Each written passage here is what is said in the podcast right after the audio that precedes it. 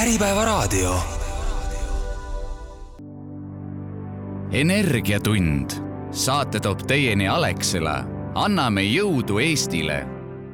tere, hea Äripäeva raadio kuulaja Eesti Energia tütarettevõte Enefit Power on Auverre ehitanud kahe tuhande kahekümnendast aastast õlitehast, sinna on investeeritud äh, üle kolmesaja miljoni euro ja nagu me avalikkuses juba kõik teame, siis oktoobri keskel kuulsime, et Riigikohus tühistas Enefit Powerile äh, antud äh, ehitusloa sest loa andmisel tehti vigu keskkonnamõju hindamisel ja nüüd novembri alguses siis valitsus uues olukorras leppis kokku, et äh, põlevkivitehase ehitus jätkub, kuid vajalik keskkonnakompleks luba antakse välja tähtajalisena ja et siis saaks äh, ehitustööd lõpuni viia, selleks on siis vaja muuta seadust ja nii, et lõplik äh, nii-öelda samm on siis äh, Riigikogu astuda, äh, aga äh, selles kaebuste ja kaebuste mitterahuldamise erinevate kohtuastmete virvarris on väidan, et läinud avalikkuse ees kaotsi põlevkiviõli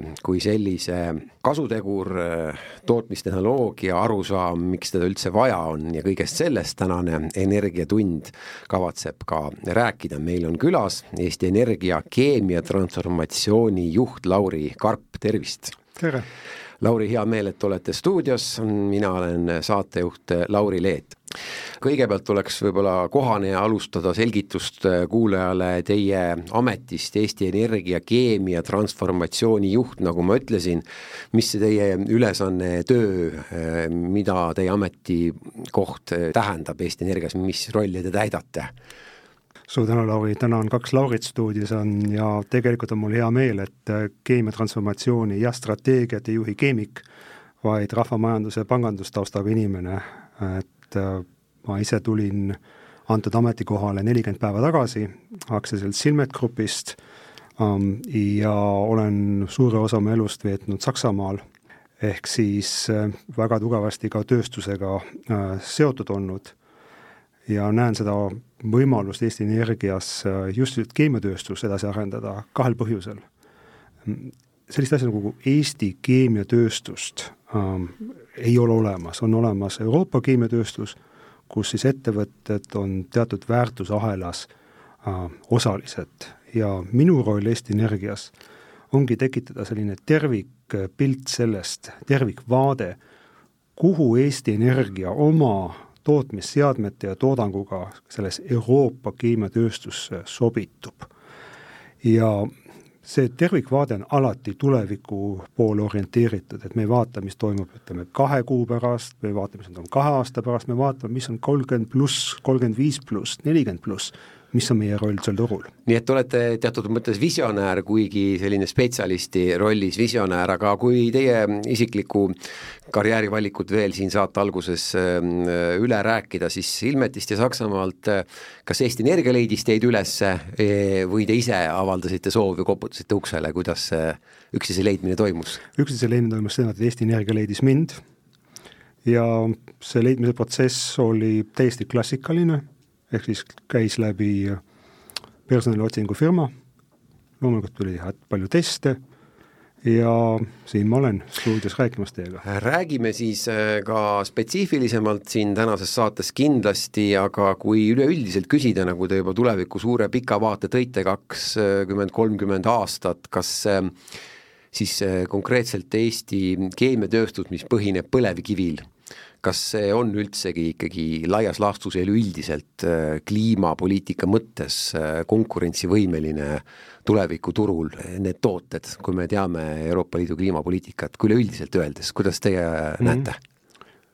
ma tuleks korra tagasi võib-olla selle Euroopa või maailma keemiatööstuse peale, et äh, enamus keemiatööstusi eri regioonides on kuni üheksakümne viie protsendi ulatuses fossiilse tooraine peale üles ehitatud ja ei ole olemas ühte fossiilset toorainet, neid on mitmeid, ähm, põlevkivi on üks mitmest, Hiinas kasutatakse sütt, Saksamaal ei ole öö, ähm, oma toorainet, ostab sisse, aga on maailmas juhtiv keemiatööstusriik, USA-l on kõik olemas, nii et öö, ähm, vastus on selge, meie ei ole veel sellel kaardil nii aktiivsed olnud, kuid põlevkivil on kindlasti kena tulevik ees just keemiatööstuses, kus on väga raske näha, et meil aastaks kaks tuhat viiskümmend ähm, suures osas äh, fossiilsest toorainest äh, tõesti nagu kaotame nii et eelkõige keemiatööstus, mitte siis energia tootmine ega energeetika, et see on juba ikkagi teatud peame, lõpptähtaega? me peame kindlasti eristama nii-öelda elektri tootmist, transpordikütuste tootmist, keemiatööstus on vastupidi ähm, suurenevas trendis ja seda näitavad ka viimased analüüsid, et kui ma vaatan viimast äh, International Energy Forumi analüüsi, kus siis võrreldi äh, IEA OPEC-i prognoose, siis äh, energeetika transpordisektoris langeb nõudlus ähm, ütleme, õlitoodete järgi, siis vastupidi, naftakeemia sektoris kasvab see aga väga hea, kui me juba läheme selle nõudluse juurde äh, tehnoloogiast, siis räägiks mõne aja pärast kui põlevkiviõli kui selline toode, äh, mida ma saan aru, on ka erinevat liiki seal äh, tiheduse ja kuidas öeldakse, raskuse järgi või kes on need põhilised ostjad globaalsel turul, kes vajavad põlevkiviõli ja kui suur see nõudlus on mm? -hmm. no kindel on see, et, et põlevkiviõlil nõudlus on olemas, teda kasutatakse lisandina laevakütustel, ehk teda segatakse teiste kütustega, tema heaks omaduseks on tema madal väävlisisaldus. ja tema väävlisisaldus on alla ühe protsendi, ehk siis äh, meie tarnime seda edasi ettevõtetele, kes seda siis nii-öelda teiste kütusesortidega segavad ja teevad nii-öelda oma blendi sellest. ja kas mere, merekütuse nõudlus ajas väheneb, on võimalik loomulikult näha seda, et ähm, ka merekütuste poole peal tekivad alternatiivsed kütused, aga see trajektoor on väga aeglane. kui vesinikupõhilise, põhistest kütustest rääkida, siis ikkagi läheb põlevkiviõli ka vaja? no kui me vaatame praegult, et mis on need alternatiivid merekütuste turul, siis äh, kõige lähim alternatiiv on hoopis biokütus, ehk siis mis baseerub äh, kas siis äh, põllumajanduslikud jäädetest toodetud biokütused või äh, äh, puit biomassi baasil. vesiniku baasil kütused on ennekõike äh, kas siis ammoniaak, kus on siis vesiniku osakaal seitseteist protsenti, aga see, et me saaks rääkida laiapõhjalisest alternatiivist, me peaksime ajamasinaga minema ikkagi aastasse nelikümmend, nelikümmend viis, kus siis on näha natukene muudatust aga need miljonid laevad, mis täna maailma mered künnavad, äh, nemad kasutavad ikkagi äh, fossiilset päritolukütust. nii et igal juhul fossiilne päritolu laevakütus eeldab põlevkiviõli lisakomponenti, see on äh, üsna selge? me oleme selle suure turu üks tilgake, sest et nagu varem ütlesin, meid kasutatakse teatud kvaliteedinormide kättesaamiseks, et viia väävlisisaldus alla ühe protsendi, kuna meil on just madal väävlisisaldus meid segatakse teiste kütustega, seega kui teisi kütuseid on, on ka meid olemas. kui suur see nõudlus siis ikkagi on, kuidas te hindaksite maailmaturul põlevkiviõli järele, näiteks nende laevakütuste vaates? no kui me läheme nüüd natuke võib-olla sellisele nagu makrotasandilt mikrotasandile, et, et räägime nagu mis, mis mahtudest me siin räägime, et noh, et kui, kui üks Enefit tehas toodab kakssada kakskümmend tuhat tonni äh, põlevkiviõli aastas, siis äh, tegemist on mitte ainult äh, tilgaga või tilga mak-, mikroosaga kogu sellel turul, kus siis ikkagi liigutatakse päevas kümneid miljoneid tonne kütuseid, nii et, et et niikaua, kui on äh, nõudlus Brent, VTI nafta järgi, nii kaua on nõudlus ka meie kütuse ja ostjad on siis äh, rahvusvahelised globaalsed äh, kütuseettevõtted, kes seda nõudlust tekitavad turul? rahvusvahelised kütuseettevõtted, treiderid, kõigil, kellel on sadamates võimekus segada kütust ja müüa seda edasi siis kas teistele treideritele või siis otse ka laevafirmadele, siin just nagu ongi äh, väga selline turuspetsiifika, et et äh, meie näeme nii kaugele, kui meie lähim ostja meile seda infot edastab. kust ta sealt edasi läheb, see on juba iga treideri nii-öelda oma saladus. aga saate nimetada mõne konkreetse ostja, kes siin kümne aasta jooksul on ostnud Eesti Energialt põlevkiviõli või vähemasti, keda te nagu arvate tõenäoliselt, kes ma ei tahaks spekuleerida siin, meil on eraldi osakond äh, nii-öelda markets, nendel on oma nimekiri olemas ja ma tean kindlalt, et Eestis on seda kasutatud eelmine aasta just küttesüsteemides, aga kes on need nii-öelda treiderid, kes on need ostjad, kes segavad seda, ma arvan, et selleks on olemas meil inimesed Marketsis. hinnast ka, mis see hind hetkel on, suurusjärk põlevkiviõli tonnil, mida siis saab praegu? kõige parem on vaadata börsidel treiditud fuel oil hinda ja see liigub seal niimoodi neljasaja viiekümne, viiesaja dollari tonni vahel. just kui ma sinna siia tulin, siis äh, oli viimati see hind täpselt mingi nelisada üheksakümmend dollarit tonn. kas väga hea, kas see jookseb äh, niimoodi korrelatsioonis nafta hinna Kindlasti. tõusuga, et kui nafta hind tõuseb, tõuseb ka see hind? korrelatsioon on olemas, aga noh, korrelatsioon ei tähenda seda, et nad alati täpselt sama võrra liiguvad. liigume nüüd lähemale jutuga siis äh, tootmisele ja, ja tootmiskuludele ja ka tehase rajamise kuludele, siin on palju spekuleeritud avalikkuses, et et mis peaks põlevkiviõli äh, lõpliku toote hind olema, et see investeering tehasesse tasuks ära, kaasa arvatud siis kõik need CO2 kvoodid ja mis sinna alla kõik käivad, et toota. mis see teie arvutus praegu teie teadmiste kohaselt ütleb, kas see nelisada viiskümmend, viissada dollarit tonnist on see optimaalne, et ma ei tea, vähem kui kümne aastaga see tehase rajamine ära tasuks hmm.? meil on juba üks tehas üleval, eks Enefit kakssada kaheksakümmend, aga teine teha, Enefit sada nelikümmend ja tänaste hindadega nad töötavad väga hästi ja loomulikult peame vaatama seda, et ka see nii-öelda minu poolt juhitud keemiatransformatsioon mõjutab mitte ainult seda uut veel ehitamisel olevat tehast, vaid ka kõiki teisi tehaseid. sest eesmärk ei ole lõpmatuseni olla kütuseturul, eesmärk on liikuda kütuseturult keemiaturule, mis on täiesti teistsugune turg aga hakkamegi rääkima siis nendest äh, vajadustest, mida siis on vaja veel teha, et liikuda keemiaturule äh,. nagu mainitud, Enefit sada nelikümmend tehnoloogia õlitehas on juba ammu Eesti Energias kasutusel, umbes kümmekond aastat on töös juba Enefit kakssada kaheksakümmend äh, tehnoloogial olev tehas ja nüüd siis see kõnealune tehas, äh, mis, äh, mille valmimine on komplikatsioonide all, on siis nagu nii-öelda teine Enefit kakssada kaheksakümmend tehnoloogial töötav õlitehas ühesõnaga, ma saan aru, et siis kolm erinevat tehnoloogiat on hetkel kõne all, et see sada nelikümmend üks, vana kakssada kaheksakümmend ja nüüd see valmiv uus kakssada kaheksakümmend, kas neid saab üldse nimetada erinevateks tehnoloogiateks?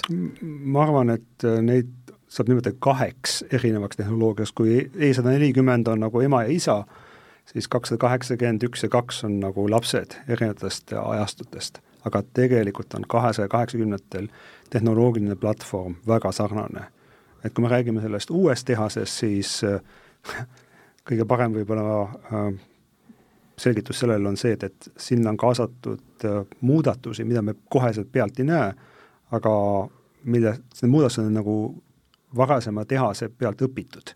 ehk parandatakse selliseid nagu protsessi elemente, kas siis kondensatsioonikolonnis või on seal isegi nii-öelda ähm, katlas ja pürolüüsi protsessi sees, aga need on sellised nagu vigade, vigade nagu selline pehmendamine, et on leitud, mida võiks teistmoodi teha, paneme sellesse kaheksasada kaheksakümmend kaks tehasesse siis nagu öeldakse, kõige uuema arusaama sellest, kuidas protsess peaks välja nägema. et tegelikult nad on, võiks öelda isegi kaksikud mahu poolest, äh, kuivõrd erinevad äh, on?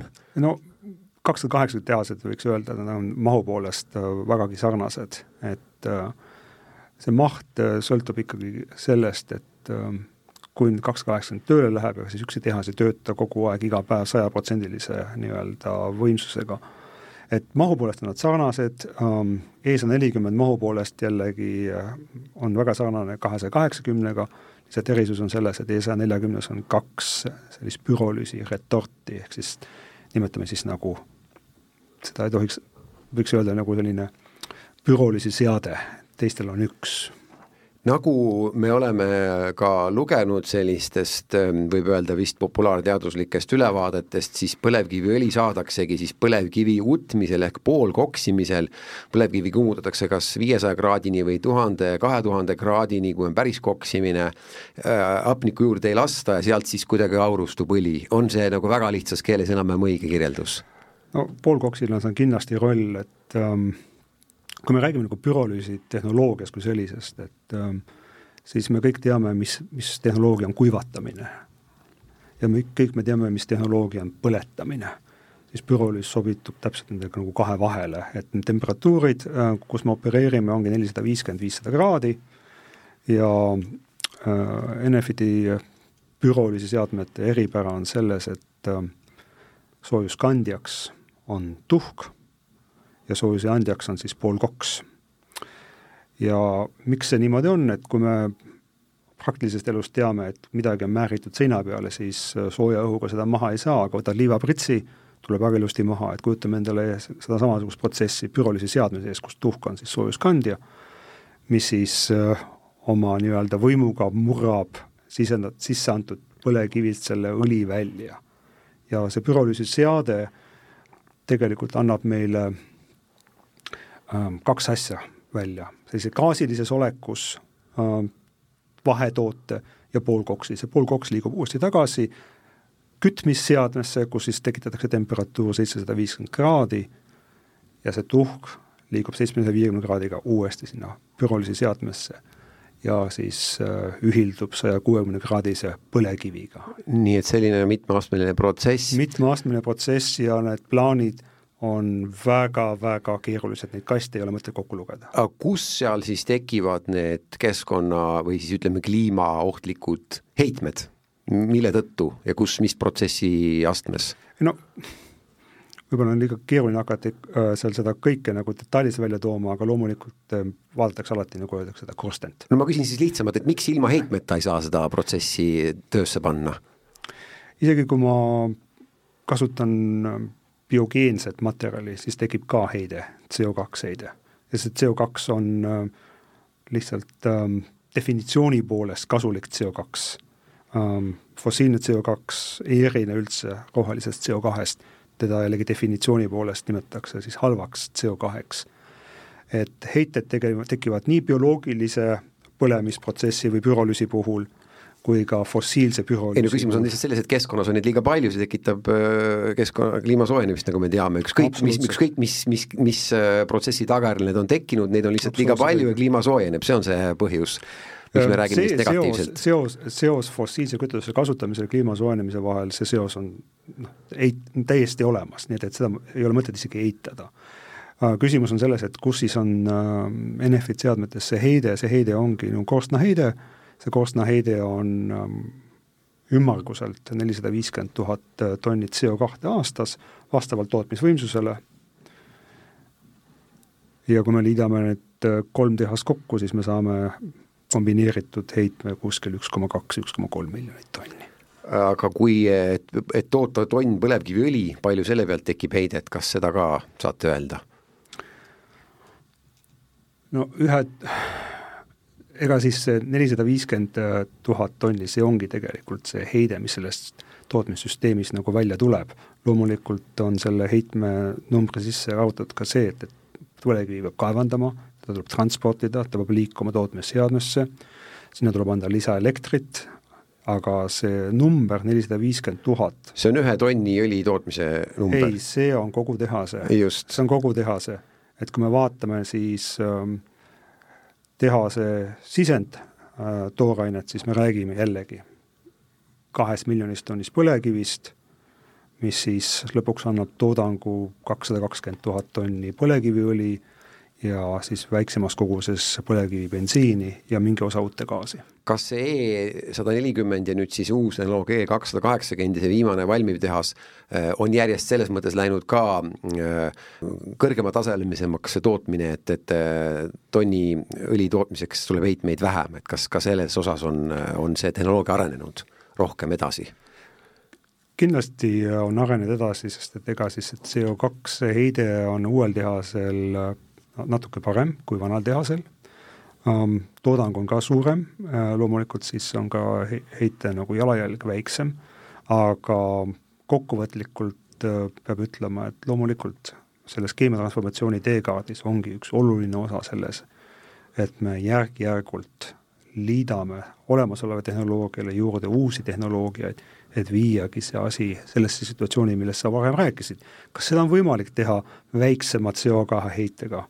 vastus on jaa, on võimalik et kuidas seda teha nüüd, et kui see uus tehas, ütleme, et hakkab tööle nüüd ka, te olete saate esimeses osas siin ka täna rõhutanud, et äh, nii-öelda keemia tootmise spetsiifilisemaks peaks äh, see põlevkiviõli tootmine Eesti Energias muutuma ja see tähendaks ka vähe, väiksemate heidete hulka, kuidas siis see protsess käiks, mida siis saaks teha selle tehase juures näiteks, et see peale kahe tuhande kolmekümne viiendat aastat ka läheks nende Euroopa Liidu kliimaeesmärkidega kokku ja isegi selle heitmevaba poliitikaga, et eh, kas on võimalik üldsegi sinnamaani välja jõuda, et tehas töötab, aga see kõik läheb kokku kliimaneutraalsusega? Lauri, väga hea pikk küsimus, et alustame siis võib-olla tagumisest otsast, et Euroopa Liidu kliimapoliitika läheb ikkagi kahe tuhande viiekümnendaks aastaks.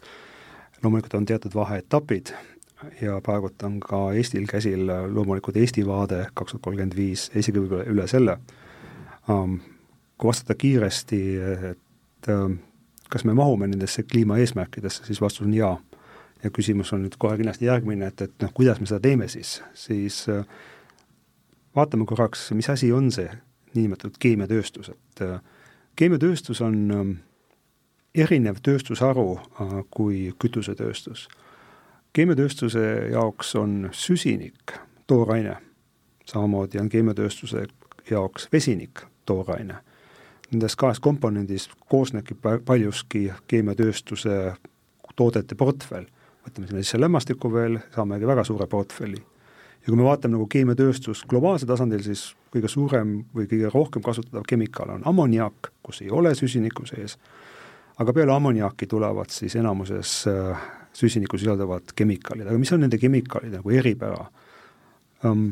meil on ehitatud ette, et me toodame tooteid, mis siis Eesti piire ületades nagu põletavad ja tekitavad heidet. keemiatööstuses uh, me vaatame tulevikus tooteid, mida ei põletata, mis uh, muutuvad materjaliks ehk siis vahetooraineks teiste tööstusharude jaoks ja eraldi tooks välja just nagu plastitööstuse aga milline see õli peab siis olema, et teda saaks kasutada plastitööstuses, kui te saate esimeses osas tõite välja, et praegu eelkõige laevakütustes kasutatakse seda põlevkiviõli, siis mis, mil määral peab see õli, põlevkiviõli muutuma, et teda saaks selles keemiatööstuses ja plastitööstuses kasutada, mida on vaja teha? plastitööstuse jaoks on äh, seadmed äh, hoopis teistsuguse konfiguratsiooniga kui klassikaline laevamootor. ehk äh, see õli, mis täna meie nii-öelda tehasest välja tuleb, üks-ühele ei sobi äh, plastitööstuse äh, seadmete sisse.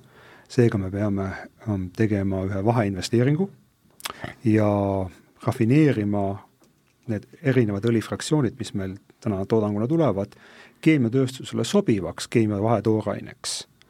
ja seda nimetatakse väga keerulise nimega parafiinne süsivesinik.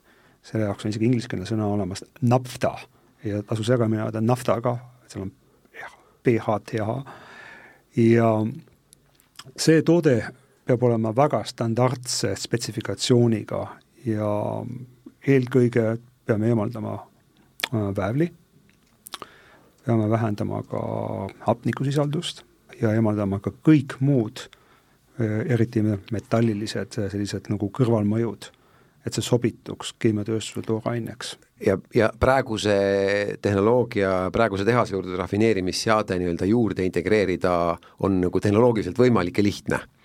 no eelmisel nädalal tegi äh, Eesti Energia juhatus äh, otsuse alustada sellise äh, nii-öelda kütuste väärindamise tehase lõppdisaini ka, mis tähendab tegelikult, et enne kui me hakkame ehitama, vaatame, kuidas see tehas välja näeks, kuidas tema nii-öelda kogu sellesse kompleksi sobitub ja mis on tema siis nii-öelda tehnilised parameetrid. ja see otsus puudutab äh, ennekõike põlevkivi bensiini fraktsiooni ehk seda kergemat fraktsiooni, kuid ähm, see platvorm, mis me valisime selleks, see hakkab meid äh, ka nii-öelda tulevikus äh, Äh, ka teiste fraktsioonide väärindamisel rolli mängima. aga kas ma nüüd saan õigesti aru, et, et vaja ikkagi nagu lausa uut tehast või saab seda rafineerimisseadet nii-öelda lisada nende olemasolevate tehaste, näiteks ka selle Enefit saja neljakümne juurde või ei? antud juhul ei ole tegemist tõesti prillide väljakirjutamisega, äh, see nõuab eraldi äh, puhastusseadet, kolme tehase peale on üks ja see puhastusseade või rafineerimisseade on Eesti võib-olla kõige suurem vesinikuprojekt, sest äh, kuidas puhastatakse äh, õlifraktsiooni, seda tehakse vesinikuga. ehk äh, me ehitame sinna vesinikku kasutava ähm, rafineerimis sellise tehase, kus me puhastame olemasolevad äh, õlifraktsioonid eelmainitud äh, materjalides nagu väävel, nagu hapnik. Ja see lõpptoode, mis sealt välja tuleb, on täiesti standardne vahetooraine keemiatööstusele, mida on võimalik müüa globaalselt igale keemiaettevõttele. kui suur investeering see suurusjärk on, selline seade, rafineerimisseade tööle saada?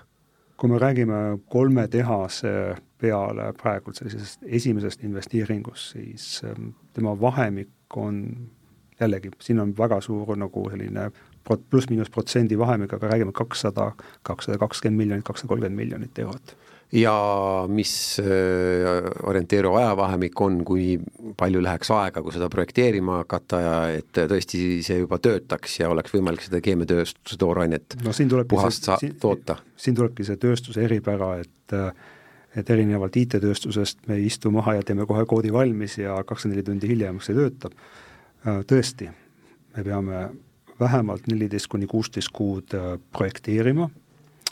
Äh, valima välja äh, tarnijad, kes seadmed tarnivad, siis peame välja kuulutama ehitushanke, loomulikult on vahepeal ka investeerimisotsus, kas me üldse tahame seda teha, see võib juhtuda kõige varem kahe aasta pärast, ehitus kestab kaks, kaks pool aastat, kui me niimoodi rehkendame, siis me jõuame kaks tuhat kakskümmend üheksa keskpaik, kaks tuhat kolmkümmend, kus me võime rääkida siis uuest toodangust, mis Auverest lahkub maailmaturule. mis äh, võiks siis olla vastus sellele kliimaministri mm, siis äh, klauslile, mis selle äh, ajutise kompleksloa andmise juurde käis, et kahe tuhande kolmekümne viiendast aastast tuleb muuta tootmistehnoloogia vähem saastavamaks, see ongi nüüd Eesti Energia plaan, mida te praegu kirjeldate, et, et sellele vastu tulla? see on konkreetne samm see on juhatuse poolt otsustatud, see on äh, minu vastutada ja see on ka platvorm, mis hakkab äh, Eesti Energia tuleviku äh,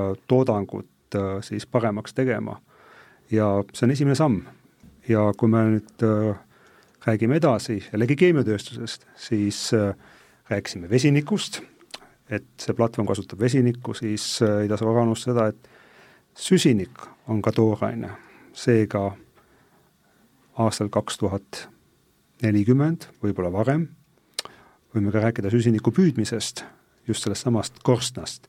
kas me teeme seda ühe seadmega kõik, kõikide korstende peale või kolm seadet või mingi kombinatsioon, see on täna veel täiesti planeerimislaua peal.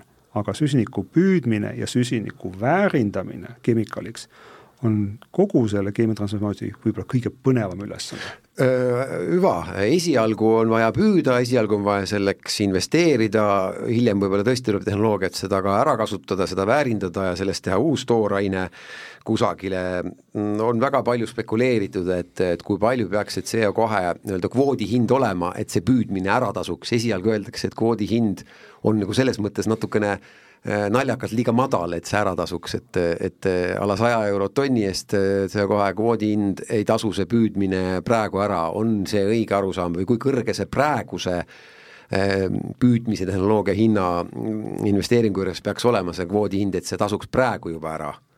see diskussioon ähm, CO2 püüdmise hinnast ja kvoodi hinnast on tegelikult veerand reh-, rehnungist ähm, aastast kaks tuhat nelikümmend vaates on see isegi vähe, vähe, väheoluline, kuna püüdmine kui selline, kui tehnoloogia on olemas, ega siis äh, praegugi kasutatakse CO2 püüdmistehnoloogiaid erinevates tööstussektorites.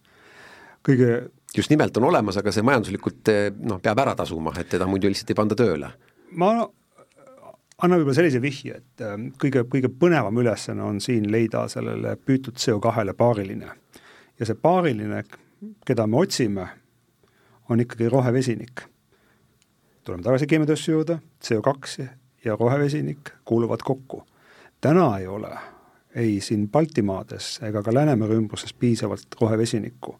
kui me jällegi ajamasinas läheme tulevikku, siis prognoosid näitavad, et aastaks kaks tuhat nelikümmend on seda rohevesinikku piisavalt taastuvelektri tootmisel äh, on näiteks võimalik seda äh, turul hetkel olevat elektrit vesinikku nii-öelda salvestada, ma olen aru saanud. loomulikult Eestis on taastuvelektri äh, väljaehitamine alles nii-öelda käigus, aga oletame, et nii meie kui meie partnerriigid tõesti investeerivad taastuvelektri tootmisseadmetesse ja on ka selge, et need tootmisseadmed töötavad nii, kuidas loodus neid juhib, mitte nii, kuidas mees seda juhib või naine seda juhib siis äh, tekib loomulikult äh, see võimalus, et see elektron muundatakse molekuliks ehk siis rohevesinikuks ja see rohevesinik ongi ka meie keemiatööstuse jaoks siis oluline äh, lähteaine, millest me hakkame siis tõesti tegema uusi sünteetilisi kemikaale. kellel oleks äh, keemias rohkem teadmisi kui siinkõnelejal minul, äh, oskaks võib-olla aimata, aga mis siis tuleb, kui rohevesinik ja CO2 äh, nii-öelda kokku saavad, mis ained sealt võiks siis kokku tulla? oi, ma arvan, et kõik me tunneme, et ma oleks koolis võinud keemiatunnis rohkem kuulata ja aga no ütleme, ma võin välja öelda ühe asja, näiteks, näiteks metanool. metanool on väga tuntud kemikaal, mida kasutatakse nii keemiatööstuses, ja kui ka teistes sektorites ja mm, tema tootmisprotsess on hästi teada. ja selle sisendiks ongi süsinik ja vesinik. nii et, et äh, seal oleks vastuse võib-olla üks pool ja ma rõhutan veel kord, et see süsiniku püüdmine on kindlasti väga huvitav äh, ülesanne, kuid äh, seda ainult kuskil pütis hoida, sellest ei ole kasu. oluline on sellest ikkagi midagi kasulikku teha. ja kui me vaatame, et missugune on see tuleviku keemiatööstus, siis? Tuleviku keemiatööstus ka Euroopa Liidu vaatevinklist ongi, et me kasutame püütud süsinikku, me kasutame rohevesinikku, me kasutame taastuvelektrit, me kasutame ka taaskasutussektorist tulnud aineid, et võimalikult vähendada seda fossiilset jalajälge et nüüd äh, mainida ka ära see summa, äh, kõnealune rafineerimisseade, selle tõite välja, mis see maksaks, äh, kui see tööle lõplikult saaks, üks seade, mis siis praegu üks püüdmisseade nagu algusest lõpuni maksma läheks hetkel, lihtsalt raha nende investeeringu suuruse mõttes? selle investeeringu suurus sõltub vägagi sellest, et kust ja mida püütakse. et ähm, süsiniku püüdmisel on oluline see, mis on selle äh, süsinikdioksiidi kontsentratsioon äh, korstna otsas, on erinevad tööstusharud, kus on see süsinikdioksiidi kontsentratsioon viisteist protsenti, on tööstus no me räägime hetkel on... konkreetselt teie Eesti Energia omadest, Enefit sada nelikümmend ja kaks Enefit kakssada kaheksakümmend äh, tehast, mis nendel on? No,? me lähtume täna sellest, mis on TalTech meile äh, uuringu raames nagu pakkunud, et me räägime siin äh, sellisest nagu täiskulust äh, natukene alla saja euro äh, tonni kohta, ähm, see varieerub, nii et, et äh, seitsekümmend kuni sada on selline vahemik, kus me näeme, mis on see täiskulu süsiniku püüdmisel. see on siis nagu käitlemise, püüdmise kulu, aga selle püüdmise. investeeringu, tehnoloogia kulu, et see investeering teha, kui suur see, see summa on? mis on see lõppkemikaal, eks ole, sellest, mida me teeme siis CO2-st ja vesinikust, see otsus tehakse eeldatavasti aastal kaks tuhat kolmkümmend viis ja mis see kemikaal on ja mis see tehnoloogia on, seda mul on täna väga raske öelda, mul on ainult hüpotees. aga ma mõtlen püüdmise tehnoloogia, see ju ka maksab, see on ju ka teha, teha esialgu. see ongi täiskulu sees, et eh, mida TalTechi teadlased meie jaoks tegid, viisidki selle niinimetatud investeeringu ja opereerimiskulud nii-öelda ühe numbri peale, ehk siis seitsekümmend kuni sada eurot eh, tonni CO2 kas nii eh, see rafineerimisseade kui ka see püüdmis, CO2 püüdmisseade oleks siis nagu nii-öelda igale tehase vahele eraldi eh, paigutada, et rafineerimise juures te küll ütlesite, et seda saab paigutada vastavalt tehase vajadusele ühele ja teisele tehasele, sain ma aru õigesti, kas püüdmisega on sama või see on selline statsionaarne, et tuleb ühe tehase juurde panna ja seal ta siis töötab? rafineerimistehas teenindab täna kolme tehast. Ehk siis on äh, eraldi tehaste kõrval asuv üksus väga väiksel maalapil kuidas me süsiniku püüdmise täna teeme või mitte täna, vaid just tulevikus teeme, see on hetkel tõesti äh, planeerimisel, et äh, me ei, ei, ma ei tahaks seda vekslit välja käia, mis on see lõplik situatsioon aastal kaks tuhat kolmkümmend pluss. kas aastaks kaks tuhat kolmkümmend pluss äh, võiks ka tähendada siis see, kui me tõesti saame need asjad tööle ja hakatakse keemiatööstuse jaoks, plastitööstuse jaoks, nagu te välja tõite, seda stabiilset Äh, toorainet tootma, siis enam äh, kütuse tootmiseks äh, ei kasutata üldse põlevkivi. me käime keemiatööstuse transformatsioonis jalga ikkagi kogu keemiatööstuse sektori äh, nii-öelda transformatsiooniga, et äh, fossiilne sisend jääb kindlasti alles ka kaks tuhat kolmkümmend pluss, paralleelselt äh, on ka minu vastutada teadus-arendustöö, et leida praegustele seadmetele uued soojuskandjad, milleks täna on põlevkivituhk. see teadustöö on alles algusjärgus, meil on inimesed, kes sellega tegelevad, ootame tulemusi selle dekaadi lõpuks.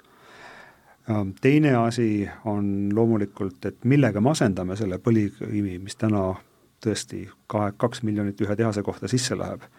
siin on laual loomulikult erinevad variandid, on see siis plast, on see siis rehv, on see bioloogiline materjal, jääde, äh, on see põllumajandus- või metsandusest, ähm, siin on need variandid meil isegi laboratooriumis läbi testitud, seal on potentsiaali, aga kõik asjad äh, realiseeruvad siis, kui tööstuskatsed ka tõesti näitavad, et sellel asjal on jumet. kas see nii-öelda siis see muude toorainete kasutamine, rehvid, plastid, kõik, mis te mainisite praegu, võiks ühel hetkel tähendada seda, et põlevkivi ühel hetkel ei lähe üldse vaja?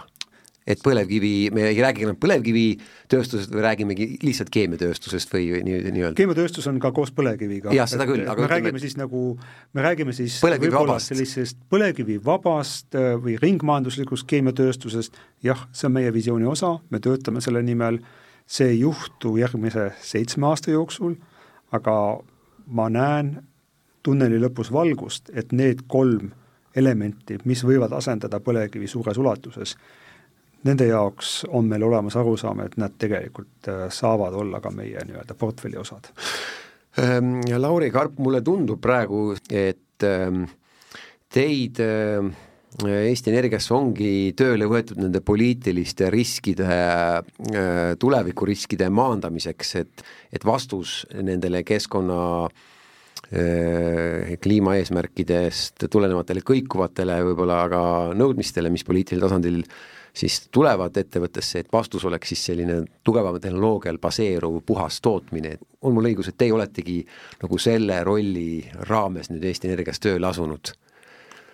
ma näen oma rolli äh, majanduse ja kliima kokkuviimises äh, ja kindlasti on selleks võlusõnaks ka ESG, et äh, hea kliima äh, ütleme, poliitika, hea kliimastrateegia ei välista seda, et me majanduslikult võime olla edukad ja kindlasti ähm, see on üks läbiv joon, miks ma seal äh, tööl olen ja miks ma selle töökoha vastu võtsin, kui ma näen seda perspektiivi.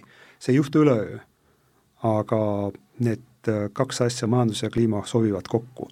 ja kui sinna juurde panna tehnoloogia, mis on ennast tõestanud, siis äh, Auverel on veel ilus tulevik ees. esialgu ikkagi tuleb need investeeringud teha, need sajad miljonid. kas ainuke lahendus on seda teha riikliku otsusena, riigi toetusena, Euroopa Liidu toetusena maksumaksja raha eest või on need tehnoloogiad nii nii-öelda juba tõestanud ennast, et võiks ka investoril olla soovi sellesse investeerida, kuidas see majanduse ja kliima kokkuviimine annaks sellele küsimusele vastuse? no võib-olla see oli ka üks argument, miks võeti selle töökohale mitte keemik, vaid majandusinimene. loomulikult äh, on äh, vaatevinkel laiem. peame ausalt ütlema, et Enefiti pürolüüsiseadmed on ainulaadsed Euroopas. nii suurt äh, seadmete parki ei ole üheski Euroopa riigis. Ähm, lähimad seadmed Saksamaal näiteks on palju väiksemad ja alles äh, proovijärgus. seega jah, me oleme kontaktis mitme suure keemiatööstusettevõttega, kes on ka huvi avaldanud mitte ainult äh, tooret meile isegi anda, vaid ka kaasa lüüa, aga enne, kui me hakkame mingeid veksleid ka siin välja käima, teeme oma kodutöö ära, teeme selle lõppdisaini ära, vaatame, mis on meile kasulik ja ükski optsioon ei ole laualt maha lükatud. ahaa, te võiks ka tulevikus, kui hästi läheb, olla niipidi, mitte et Eesti Energia investeerib välismaale, vaid välismaine vastava tööstusega investor investeerib Eesti Energia mingitesse seadmetesse ja tehnoloogiasse? tuleviku Auvere ei ole üks ettevõte, vaid tuleviku Auvere on keemiapark kus aia taga on sul ettevõte, kes kasutab meie sisendit oma tootmiseks, meie ostame aia tagant kellelgi kolmandalt mingit sisendit oma tootmiseks ja võime rääkida tegelikult klastrist. aga ettevõtte üldomanik peaks jätkuvalt olema riik või võiks see olla ka osaliselt erakätes? ma arvan, seda on kõige parem küsida omaniku käest. aga nii-öelda tootmise tehnoloogia väljaarendamise mõttes on mingit vahet või või ei? jällegi, äh, mis äh, tootmisüksustest saab, mis saab Eesti Energiast tulevikus, tuleb küsida ikkagi omaniku käest. hästi, aga kõige lõpetuseks, Lauri Karp, mis on see esimene mm, vaheetapp, mida te olete nüüd äh, ise seadnud endale ja mida ka tööandja on seadnud teie töösse nüüd just, et keemiatransformatsiooni läbi viia Eesti Energias tootmises, et üks on tõesti pikk vaade, kaks tuhat kolmkümmend, kolmkümmend viis, aga selline lühem, konkreetsem, lähem vaheetapp, mida te saa-, tahate saavutada saavutada, mis, mis kuupäevaks või mis, mis kuuks siin lähiajal? kolmekümne viiendal tööpäeval äh, sain positiivse otsuse nii-öelda selle rafineerimistehase planeerimisteemal, mis oli olnud äh, laual juba mitu aastat, nii et, et see esimene etapp on kiiresti juhtunud, teine etapp, mis see aasta tuleb, on äh, keemiastrateegia, mis on nagu lahti formuleeritud, kuhu me tahame jõuda, mida me konkreetselt teeme, ehk me uuendame seda, mis kaks tuhat kakskümmend üks Eesti Energia juhatus otsustas ja nõukogus ka ilusti läbi läks, uuendame seda, räägime, mis on siis meie vaade aastal kaks tuhat kolmkümmend, kolmkümmend viis ja näitame ära, kuidas ja mis sammudega me sinna jõuame suur tänu selle põneva jutuajamise eest, Eesti Energia keemiatransformatsiooni juht Lauri Karp ja jõudu tööle! suur tänu, Lauri! Hea kuulaja, selline Energiatunni tänane saade, kuu aja pärast uue teemaga, kõike paremat ja kuulmiseni seniks